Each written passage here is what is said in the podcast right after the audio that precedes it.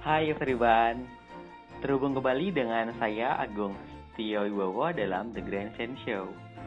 Pada kesempatan kali ini, saya mendapati tamu yang sangat luar biasa. Dia adalah seorang profesional professional coach yang sebelumnya telah malang melintang di berbagai industri ya, termasuk media gitu. Nah, beliau bernama Coach Muhammad Khalid. Apa kabar, Coach? Ah, alhamdulillah sehat. Ya, Masih ya. gimana kabarnya? sehat, alhamdulillah. Ya, semoga kita semuanya diberikan kesehatan dan kekuatan dalam menjalani masa-masa pandemi ini, Coach ya. Oke. Hmm. Nah, kesibukannya sekarang apa, Coach? Mungkin bisa diceritakan kepa- kepada para pendengar. Ya, kesibukan saya sebagai coach. Halo. Ya, Ya, tentu menyiapkan materi coaching dan melayani eh, para kuci, para klien. hmm, ya. Boleh diceritakan mungkin eh, sudah berapa lama menjadi professional coach? Saya mulai 2012. Oh, sudah 9 tahun ya. Ya, waktu itu saya mulai di Action Coach Internasional Oke. 4 tahun. Kemudian saya dapat beasiswa untuk di Marshall Goldsmith Coaching. Hmm. dan saya sampai sekarang masih di situ dan saya sekarang jadi sudah beberapa lama ini dan menjadi anggota juga dari Global Coach Group. Hmm. Nah nanti ada kalau di bawah tulisan saya biasanya bisa dilacak tuh linknya semuanya. Ya, saya tadi sempat ngecek profilnya LinkedIn Coach. Oh ya Coach, Eh, mungkin bisa di-share kepada pendengar nih, apa sih bedanya coach men dan mentor dan trainer? Mungkin Oke, bebe- beberapa teman-teman nih belum familiar nih. oke. Nah, saya cerita sedikit ya backgroundnya. Ya? Sekian sekian tahun yang lalu, orang punya coach itu malu, terutama para eksekutif. Mungkin Hmm. sampai mungkin sampai 10 tahun yang lalu betul karena dianggap kalau punya coach berarti ada masalah. Ah, bukan begitu sebenarnya. Nah ini untuk membedakan coach dengan trainer dan uh, mentor dan lain-lain. Dan konsultan. Ke- kalau konsultan itu kan lebih banyak memberikan nasihat. Ya. karena konsultan biasanya sih orang pinter Hmm, ya. Yang merasa lebih pinter dari klien itu sering terjadi. Uh, ya it's okay itu kan satu dan ada mentor itu begitu sering memberi nasihat. Hmm. Kalau training, trainer itu kan yang men-train sesuatu yang kiranya hard skill, sedikit sekali soft skill itu kalau trainer biasanya begitu. Hmm. Nah kalau training itu uh, di dalam kaitannya dengan pengembangan organisasi, Hmm. apakah organisasi bisnis, organisasi non-profit, uh, dan juga institusi pemerintahan itu biasanya yang banyak kan nyangkut hard skill. Hmm. Kalau coaching lebih banyak ke soft skill. Hmm. Uh, begini, kalau coaching bedanya dengan yang tadi semua itu, justru dalam dunia coaching kita di, diharuskan menahan diri untuk tidak memberi nasihat Hmm. jika tidak diperlukan. Oke. tugas tugas seorang coach adalah membantu coachee artinya yang ikut coaching menemukan potensi dirinya seoptimal mungkin. Hmm. Tentu dalam beberapa hal ada kita memberikan advice, memberikan saran. Jadi mostly itu memberikan uh, kebebasan kepada seorang uh, klien atau beberapa klien untuk membantu mereka membuka potensi-potensi dalam diri mereka Hmm. sehingga mereka punya otonomi untuk menjadi seorang sebagai pribadi, sebagai manusia, atau sebagai eksekutif atau sebagai pemilik perusahaan untuk menemukan dirinya yang baru. Hmm. Itu tugas coach. Hmm. Nah, dalam coaching itu coaching kan macam-macam. Ada Hmm. coaching di dunia olahraga, coaching di dunia bisnis, coaching di Hmm. leadership. Di dalam dunia bisnis pun ada macam-macam lagi. Ya. Ada untuk strategi, ada behavioral, ada leadership, dan lain-lain. Ya, saya kebetulan mengalami ketika di Asian Coach, mostly itu coaching bisnis. Hmm. Yang di coach adalah para business owner atau Hmm. para direktur, CEO. Lebih baik, lebih banyak menyangkut bagaimana pengembangan bisnis. Hmm. Ketika di Marshall Goldsmith dan juga di Global Coach Group, yang coach adalah para leader dari level uh, junior manager sampai CEO.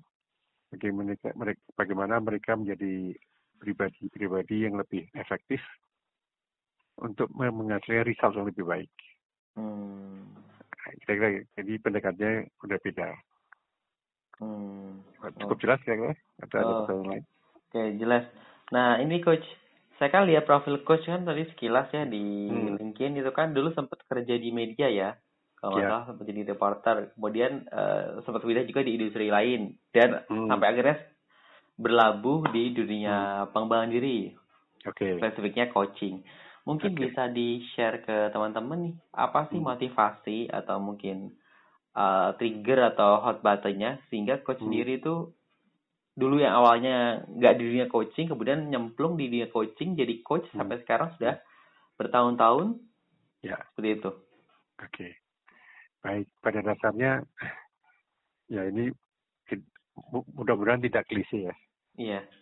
Saya ingin mengabdi pada kepentingan banyak orang. Hmm. Eh, ketika jadi wartawan, saya ingin memberikan informasi yang sehat dan seimbang untuk masyarakat. Hmm. Karena waktu itu informasi satu arah yang terjadi Ya. dan itu dominasi oleh kelompok tertentu. Hmm. Kan waktu itu saya jadi reporter dari wartawan masih zaman Orde Baru. Oh iya, benar-benar. Ingin mengembangkan kebebasan berpikir, kebebasan memilih buat masyarakat dengan informasi yang sehat dan berimbang. Makanya saya memilih Tempo waktu itu. Hmm. Jadi eh, ada sebenarnya media-media besar di mainstream waktu itu kan Kompas sama Tempo sama Sinar Harapan sama Sukarwo Baru. Ya saya eh, ya kebetulan alhamdulillah di Tempo. Kalau Tempo sebenarnya gajinya tidak lebih besar dibanding Kompas. Kompas lebih besar. Hmm. Jadi kenapa banyak anak muda tertarik di Tempo? Karena filosofinya adalah pengembangan kebebasan berpikir. Hmm. Ada value yang kita perjuangkan. Dan, dan saya menemukan kebahagiaan ketika saya menggali informasi dari masyarakat dan kemudian saya tulis kembali untuk di eh, kebijakan publik oleh pejabat pemerintah dan atau juga saya menginterview menteri, interview dulu menteri sulit interview karena Hmm. tertutup kan Iya. eh, menemukan sumber informasi dengan background yang bagus macam untuk ditulis di media untuk memberikan input kepada masyarakat bagaimana itu satu kenapa saya kemudian ketika saya menjadi ikut jadi pengusaha waktu itu sebenarnya bukan eh, murni dagang Hmm.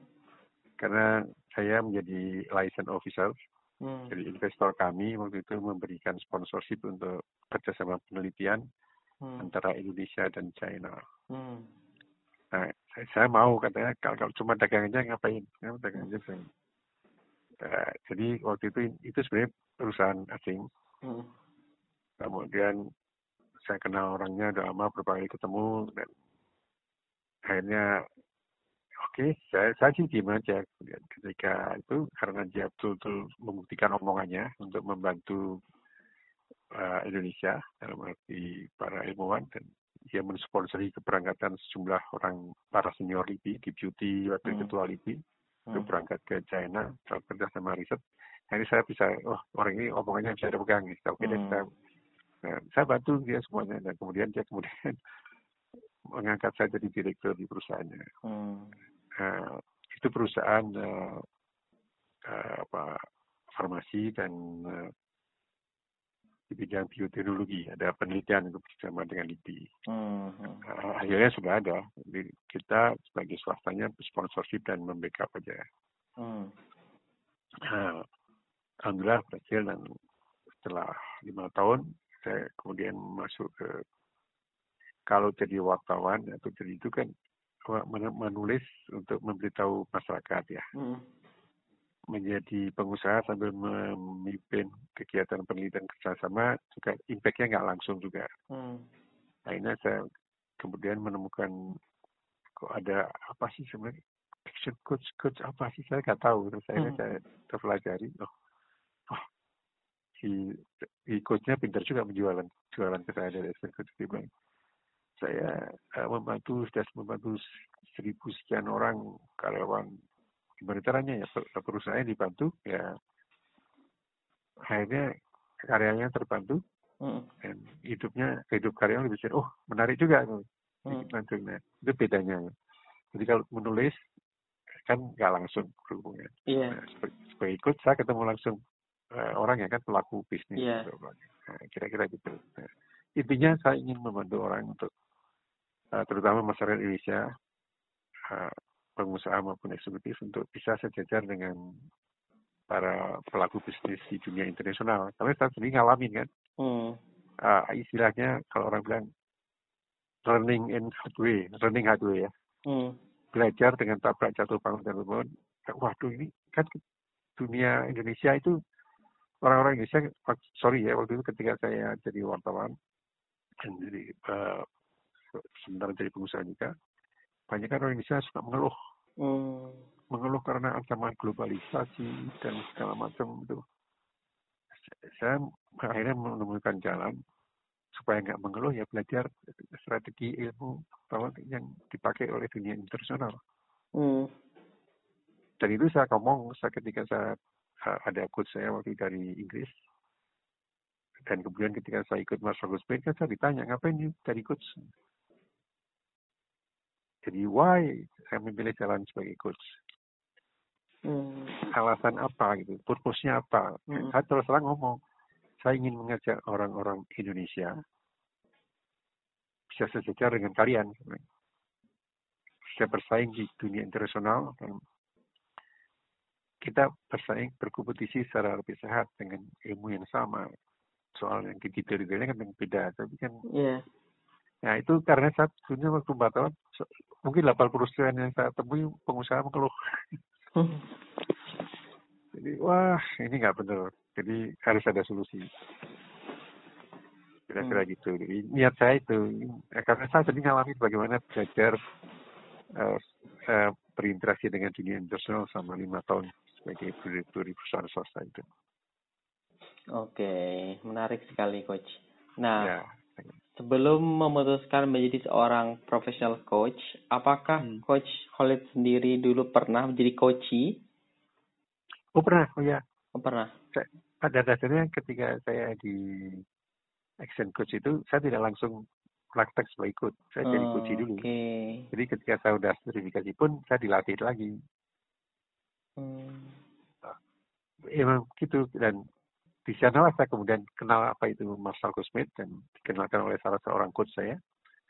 Dan saya pelajari dan saya dan, dan ketika di Marshall ada ada apa istilahnya testimoni saya bilang saya dulu adalah produk dari Marshall Goldsmith coach coaching. Hmm. Jadi saya bisa merasakan dan saya bisa ngomong kepada klien saya, saya sudah membuktikan saya pernah jadi coach, saya jadi sudah di coach.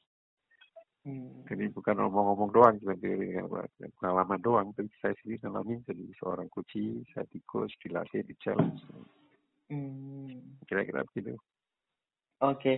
nah Coach Khalid sendiri kan sudah bertahun-tahun nih jadi seorang coach gitu. Ya. Apa sih tantangan yang paling sering dihadapi ketika menjadi seorang coach?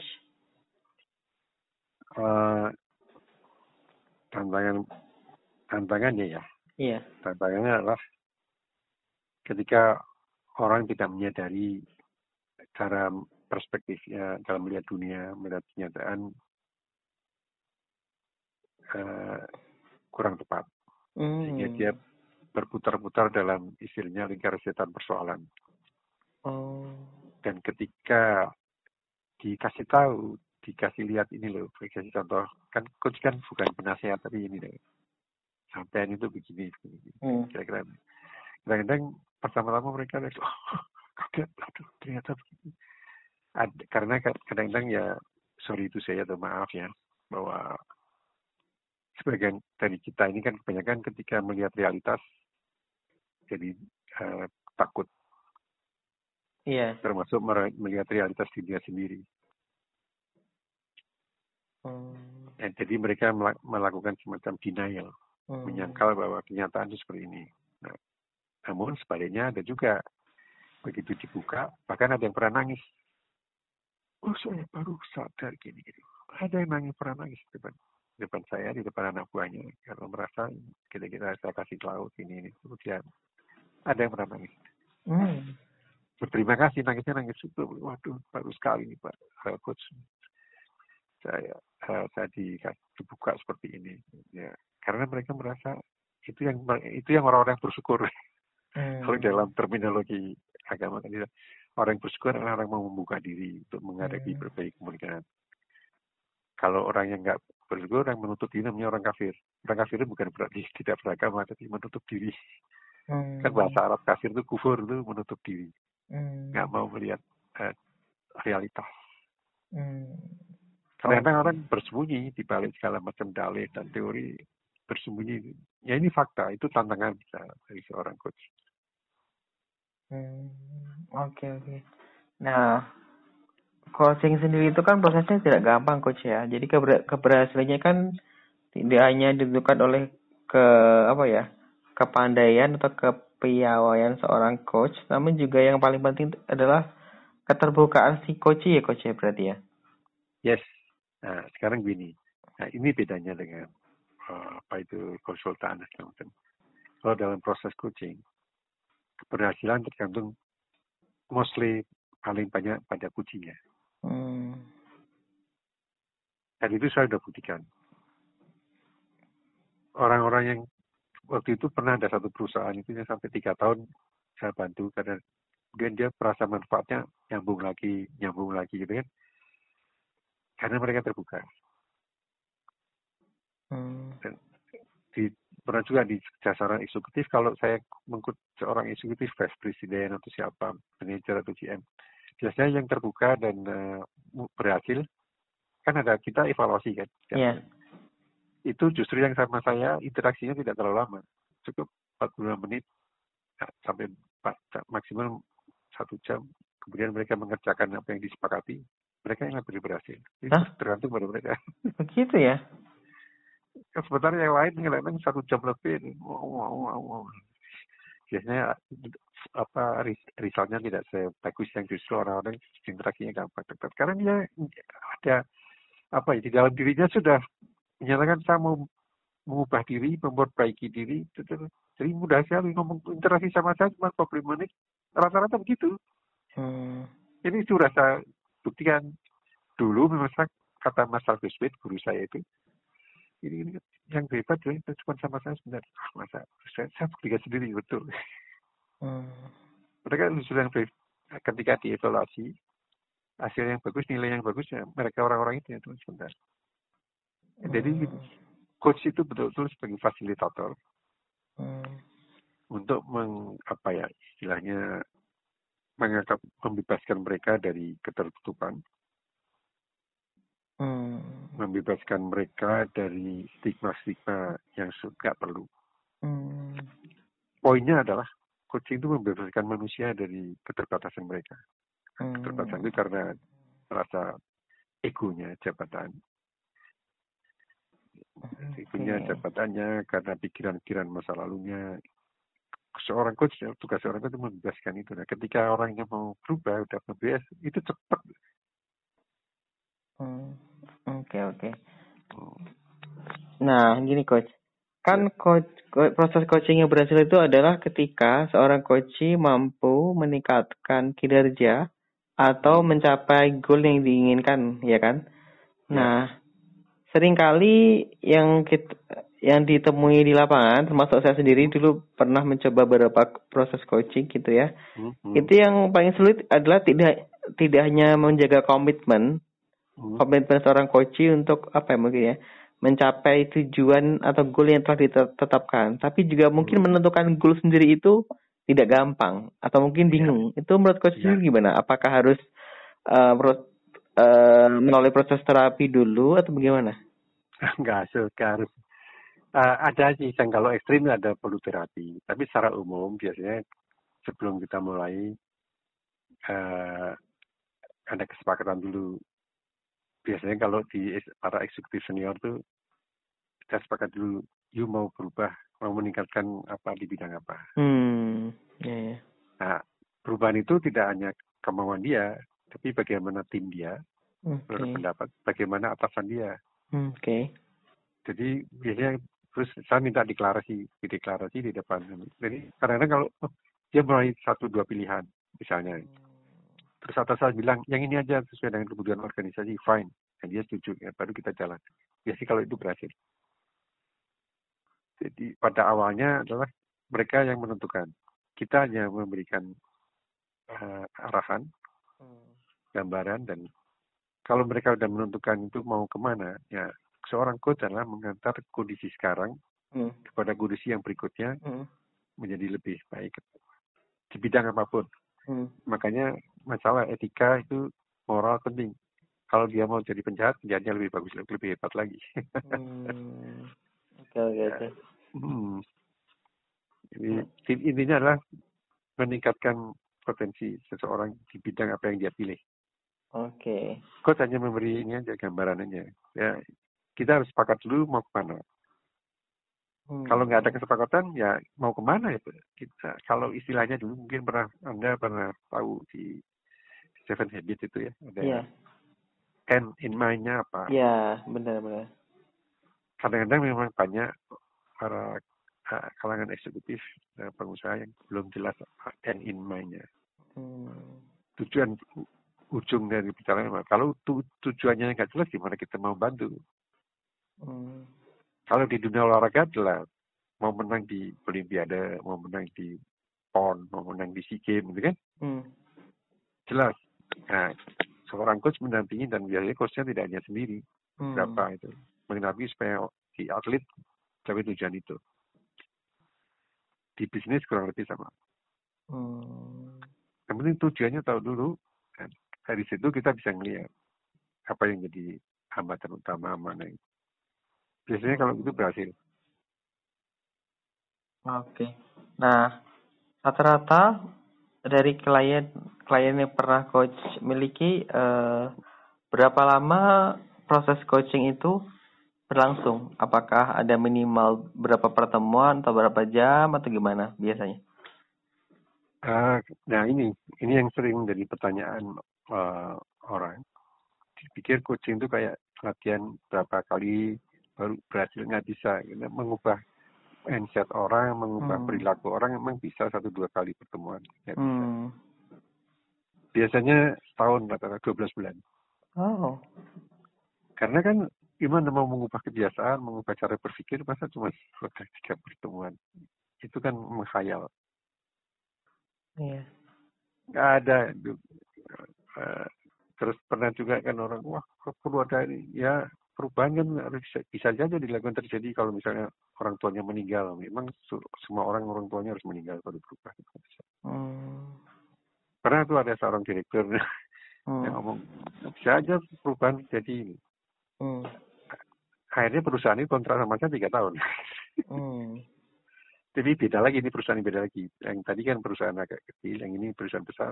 Direktur bilang kan perubahan bisa terjadi kalau orang mengalami drama. Memang perlu setiap perlu. Kalau saya, saya bilang kalau bapak punya vice presiden 10 orang, maka perlu ada 10 orang itu orang yang meninggal atau drama atau kecelakaan apa baru bisa berubah. Kan nggak mungkin.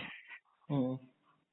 Jadi ada metodenya, ada apa dan nggak mungkin terjadi dalam waktu. Akhirnya ya kami bantu dia dan mereka para sudah mendapatkan manfaatnya. Nyambung lagi nyambung lagi. Sama aja. Biasanya gitu kalau udah mendapatkan manfaat nyambung lagi.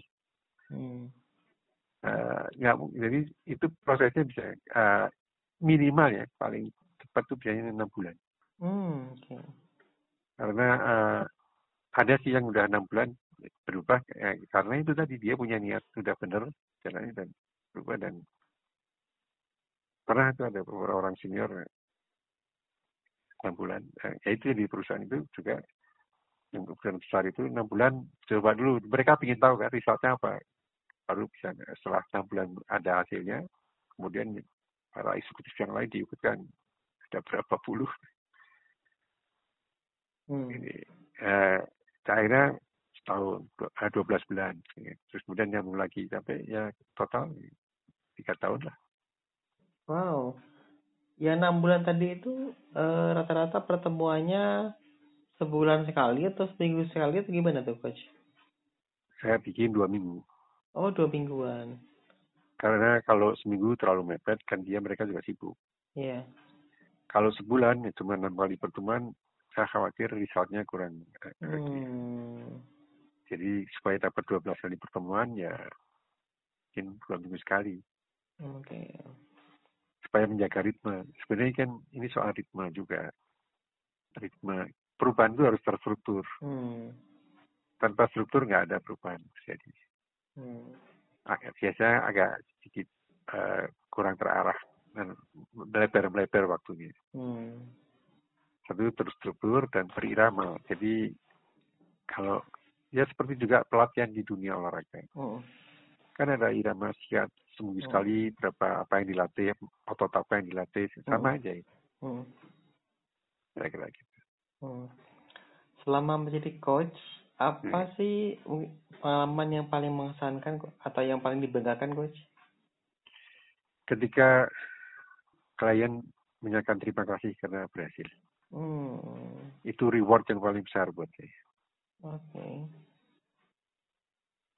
Jadi mereka wah coach sudah terima kasih ini udah ini udah tadi sini itu udah buat dari saya momen yang paling bagus. Hmm. Nah, saya dapat itu dari berbagai macam ya dari di berbagai kota juga. Jadi ketika mereka menyatakan terima kasih karena udah mendapatkan dia kadang-kadang mereka bilang dibimbing saya enggak saya bilang kan saya enggak bimbing anda saya cuma mendampingnya dari mas hmm.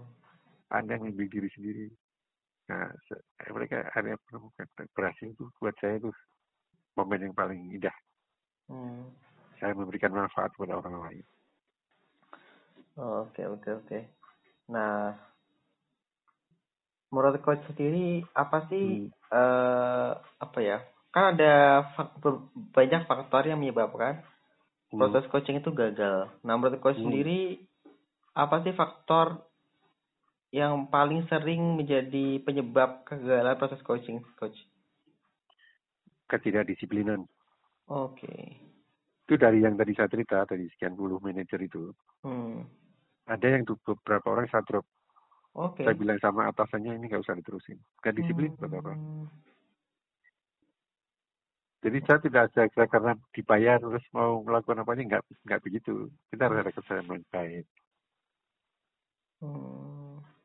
Cepat, cepat ada yang saya bilang sama direkturnya, kalau ada manajer yang ini ini ini nggak bisa ini gugur. Hmm. Kalau soal sibuk semua orang sibuk. Oke. Okay. Kalau waktu memang ada yang lebih dari 24 jam? Nggak ada. Nggak ada kan. Uh, tapi ketika kita, nah begini, berarti program ini dia tidak masukkan dalam jadwal hidup dia. Oh, Oke. Okay. Makanya dia nggak berhasil. Kelihatan kan, wah ritmenya nggak bisa. Kan saya bilang sama perusahaan, atasannya, sama vice president bidang SDM-nya, saya bilang, ini nggak bisa. okay. ya dia terima memang memang nggak bisa orang ya begini kalau orang memang nggak mau berubah kenapa mesti kita sibuk terusin dia oke okay. buang-buang waktu buang umur dia buang-buang waktu saya buat apa oke okay. jadi masanya nggak disiplin itu dia nggak berkomitmen gitu coach ya satu nggak berkomitmen jadwal berubah melulu ini nggak bisa oh dia kan kalau kalau begini deh orang hidup itu kalau dia menganggap sesuatu itu penting, dia akan naruh dalam jadwal rutin yeah. dia kan. Iya, yeah, iya. Yeah. Dari situ aja dia nggak nganggap penting. Mungkin dia nggak penting. Tapi kan dia kognitifnya lemah. Dia memilih yang apa istilahnya hmm. dadakan-dadakan itu ya. Oke. Okay.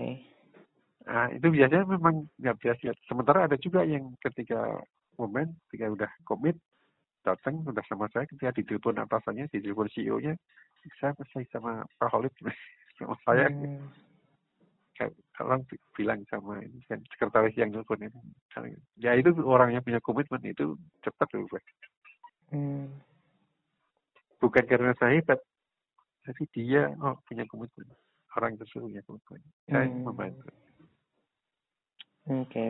Hebat apa pun seorang coach kalau coachingnya kliennya tidak disiplin, tidak uh, punya komitmen yang baik, hmm. nggak akan berhasil. Oke. Okay. Nah, apa namanya? Kalau yang saya ketahui ya, itu hmm. kan untuk menjadi seorang coach profesional yang diakui ICF, hmm. itu kan harus apa ya eh, mendaftar di lembaga-lembaga yang uh, mengeluarkan sertifikasi coach ya. Ya. Yeah. Nah, kalau boleh share, itu jika jika seorang sudah ikut sertifikasi dan kemudian sudah lulus dinyatakan sebagai seorang coach, hmm. berapa lama sih uh, mereka berhak menjadi menjadi sebagai coach? Apakah sekali sertifikasi berlaku seumur hidup atau harus apa ya mungkin mengambil kembali atau ada ada masa berlakunya itu? Oke, okay. tergantung institusinya. Oke. Okay. Uh, saya misalnya di Action Coach, ketika kita nggak bayar lisensi ya nggak bisa praktek berdasarkan Action Coach walaupun ilmunya sama, ilmunya bisa saya pakai. Oh. Jadi nggak, cuman nggak bisa praktek selama misalnya Action Coach. Karena okay. saya udah nggak bayar lisensi lagi kan, sudah empat tahun sudah berhenti dan nggak bayar lisensi hmm. lagi. Itu satu. Kalau di Mas Fakus sekali sertifikasi berlaku seumur hidup. Wow. Hanya kalau misalnya ada beberapa program ya ada istilahnya membership fee gitu aja. Hmm. Kalau yang di Global Coach Group ini kan saya jadi ada begini, ada proses sertifikasi yang kemudian otomatis menjadi uh, memenuhi syarat untuk AFC. Hmm sebenarnya uh, ada uh, ini EFC itu lebih kepada semacam kayak dunia bisnis ada kadin ya. Hmm. Dia organisasi yang memang dan bagus juga ada uh, apa namanya standarisasi itu hmm. standarisasi hmm. sebenarnya. Nah, kalau saya di Global Coach Group, otomatis saya dihitung sekian jam di EFC. Ada itu, ada hmm. keterangannya dari hmm. akui mereka juga mengakui Marshall Smith. Hmm. Karena kan itu lembaga internasional semua global group Marshall Smith seluruh dunia dari segala bangsa menggunakan Marshall Smith. Hmm. Dari Arab, India, uh, dari Korea, dari mana pun menggunakan jadi enggak itu AFC mesti mengakui. Hmm. Nah, uh, jadi tergantung institusinya tadi. Hmm. AFC sendiri kan juga memberikan pelatihan-pelatihan sertifikasi. Itu supaya orang menjaga profesionalisme. Gak ngawur. Oh, sorry ya, ada juga yang nggak mau mana-mana. Mereka tapi pernah ikut di satu lembaga, kemudian mengembangkan sini, ya boleh aja. Yang penting hmm. hasilnya ada dan dia menjaga etikanya sebagai ikut. Itu ada juga. Itu pilihan. Hmm. Kalau kebetulan sertifikasi saya otomatis jadi bagian dari EFC dan saya sendiri juga di grup LinkedIn itu masuk grup mereka juga. Jadi mereka hmm. tahu kan ada saya punya sertifikasi dari mana. Iya. Yeah. Dari lembaga yang internasional juga ya, Sekot kan hmm. kan internasional, Master Smith internasional, apalagi Global Coach Group hmm. antar bangsa okay. itu. Kira-kira begitu. Hmm sertifikasi perlu untuk standarisasi. Hmm. Supaya orang uh, lebih uh, disiplin dan soal ikatannya gimana masing-masing institusi punya caranya sendiri-sendiri. Oke okay, oke. Okay. Hmm. Nah menurut Coach Colin sendiri uh, bagaimana persepsi dan persep per, apa ya bagaimana persepsi masyarakat hmm. terhadap coaching itu sendiri? Ya, Apakah apa knowledge mereka rendah, masih rendah atau memang masih perlu edukasi lagi, coach? Perlu edukasi. Karena begini seperti yang tadi pertama saya bilang, di Indonesia terutama, itu kalau uh, ngikut program coaching berarti ada masalah. Oh iya. Bukan begitu. Saya Hmm. sebagai coach itu membantu orang di level apa pun sekarang dalam Hmm. level sukses apa pun ke menjadi ke lebih sukses lagi. Oh, Oke. Itu juga sistem pendekatan sendiri sama dengan pendekatan untuk coach para atlet. Atlet kan orang-orang atlet kan paling di dunia kalau udah kompetisi antar bangsa kan mereka at- atlet-atlet hebat. Kenapa Hmm. masih perlu coach? Karena Hmm. mereka ingin hebat lagi, ingin bertahan lebih bagus lagi. Karena begitu nggak ada coach, mereka biasanya kehilang, kehilangan Hmm. pamor, turun. Hmm. Orang lain semua pakai coach. Hmm. Biasanya atlet-atlet profesional Hmm. itu coachnya lebih dari satu. Hmm. Nah, orang terutama kalangan bisnis nih ya, nah, seperti ini. Kalau merasa punya coach sudah saya, dia ada masalah bukan begitu cara berpikir yang salah. Hmm. Coach itu membuat dia menjadi lebih hebat dari yang sekarang. Hmm. Kadang-kadang juga merasa ah saya udah tahu semuanya, ya nggak apa-apa, itu is okay. Kalau Hmm. nanti suatu hari jublek ya silahkan aja. Hmm. Hmm, Oke oke oke. Eh, itu eh, karena pemikirannya masih berpikir kalau ada masalah baru ikut program coaching, bukan itu. Hmm. Eh, itu itu yang makanya perlu ada edukasi lebih jauh. Di Hmm. dunia internasional udah biasa, justru bangga punya coach. Hmm. Sekarang eksekutif senior di dunia itu dari perusahaan-perusahaan yang hebat-hebat, mereka bangga punya coach. Berarti mereka punya komitmen kepada pemegang saham, kepada Hmm. masyarakat. Mereka akan terus meningkatkan diri. Hmm. Ya sama seperti atlet. Pernah kalau di dunia golf, laki-laki yang paling ter- terkenal kan Tiger Woods. Hmm. Saya kira itu coachnya ada beberapa. Sebab waktu itu dia jadi bertahan di dunia, dunia dunia. Nah, di dunia tenis misalnya Serena Williams. Itu dia punya coach kalau nggak tiga atau berapa. Jadi, Hmm.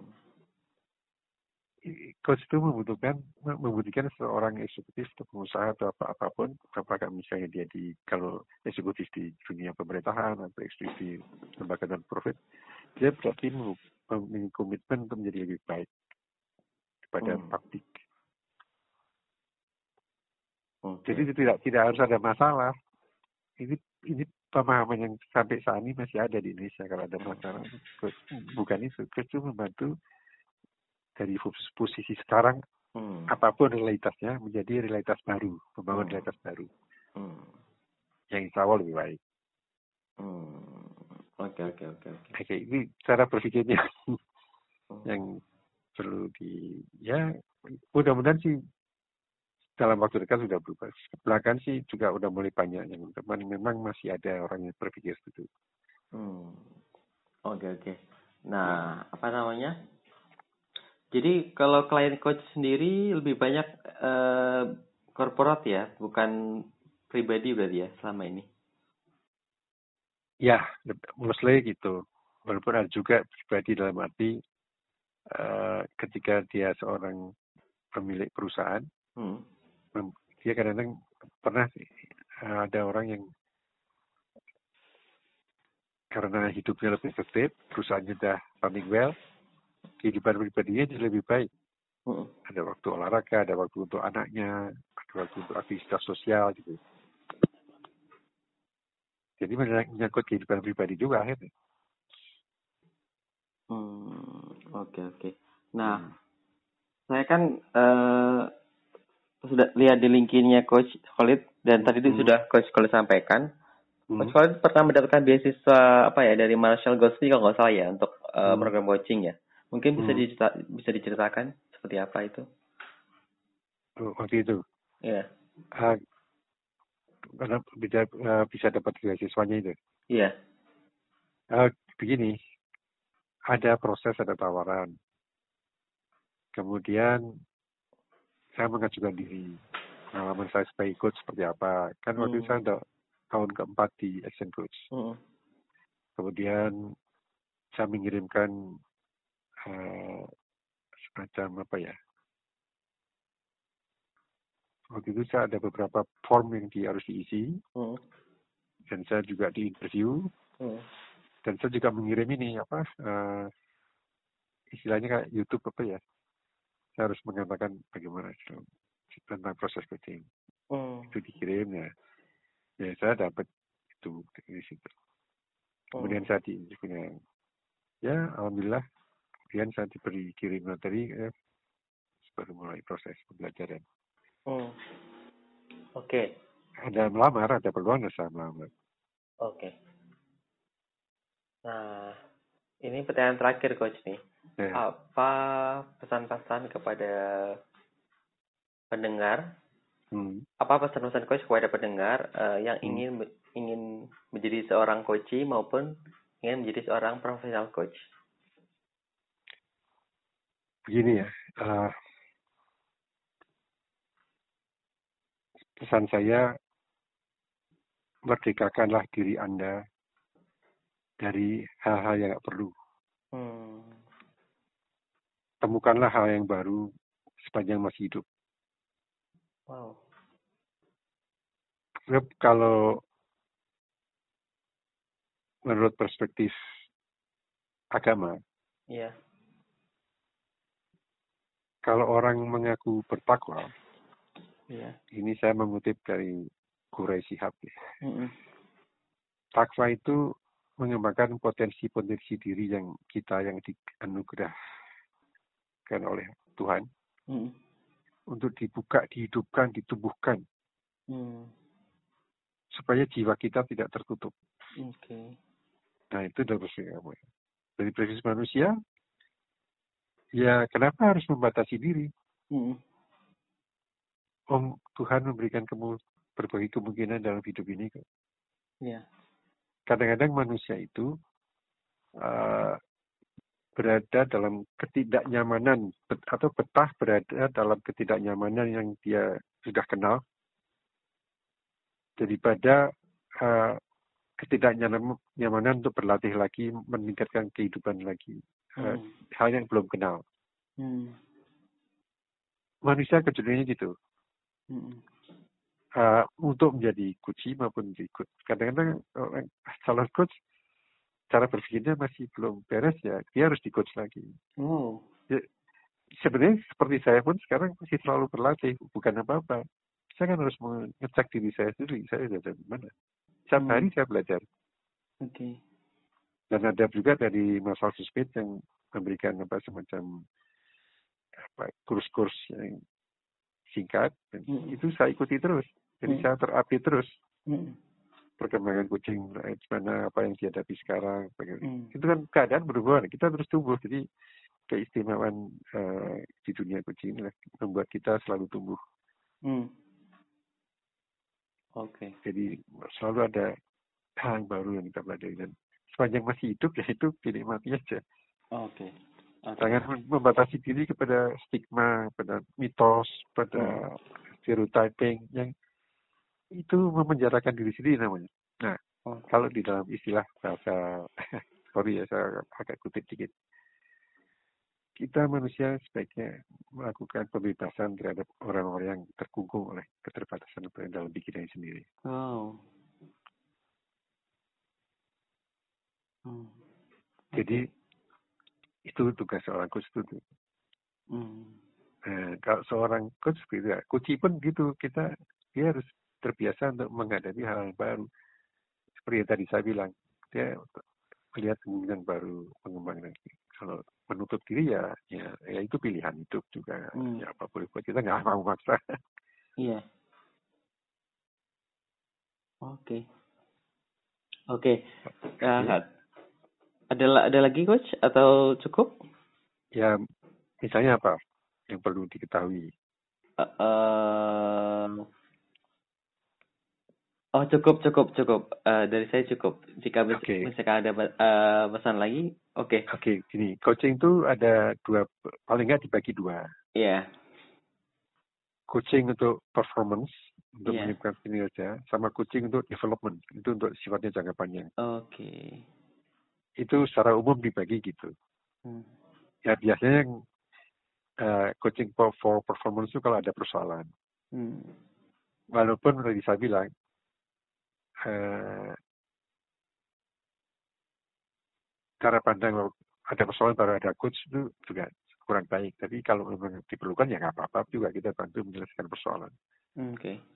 Tapi sebaiknya kita imbangi juga dengan coaching for development sehingga suatu hari dia nggak harus tergantung sama kita. Hmm, oke. Dia harus bisa menemukan jalannya sendiri itu. Hmm, Oke. Oke. Oke. Clear? Clear. Mudah-mudahan jelas ya. Oke, jelas. Wah. eh, terima kasih Coach Muhammad Khalid eh, kesempatannya pada kali ini. Semoga para pendengar eh, mendapatkan insight yang tentunya bisa diaplikasikan dalam kehidupan sehari-hari. Ya, sekali lagi terima kasih atas kesediaan waktunya.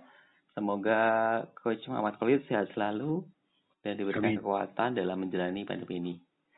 Terima kasih juga kembali atas peluang ini. Saya merasa terhormat bisa ikut eh, program podcast Anda ini. Sehingga bisa mudah-mudahan bisa memberikan manfaat kepada para pendengar. Oke, oke, baik eh, para pendengar, eh, teruslah mengikuti podcast-podcast menarik dari The Grand Shen Show berikutnya. Sampai sampai terhubung kembali dan sukses selalu. Assalamualaikum warahmatullahi wabarakatuh. Waalaikumsalam warahmatullahi wabarakatuh.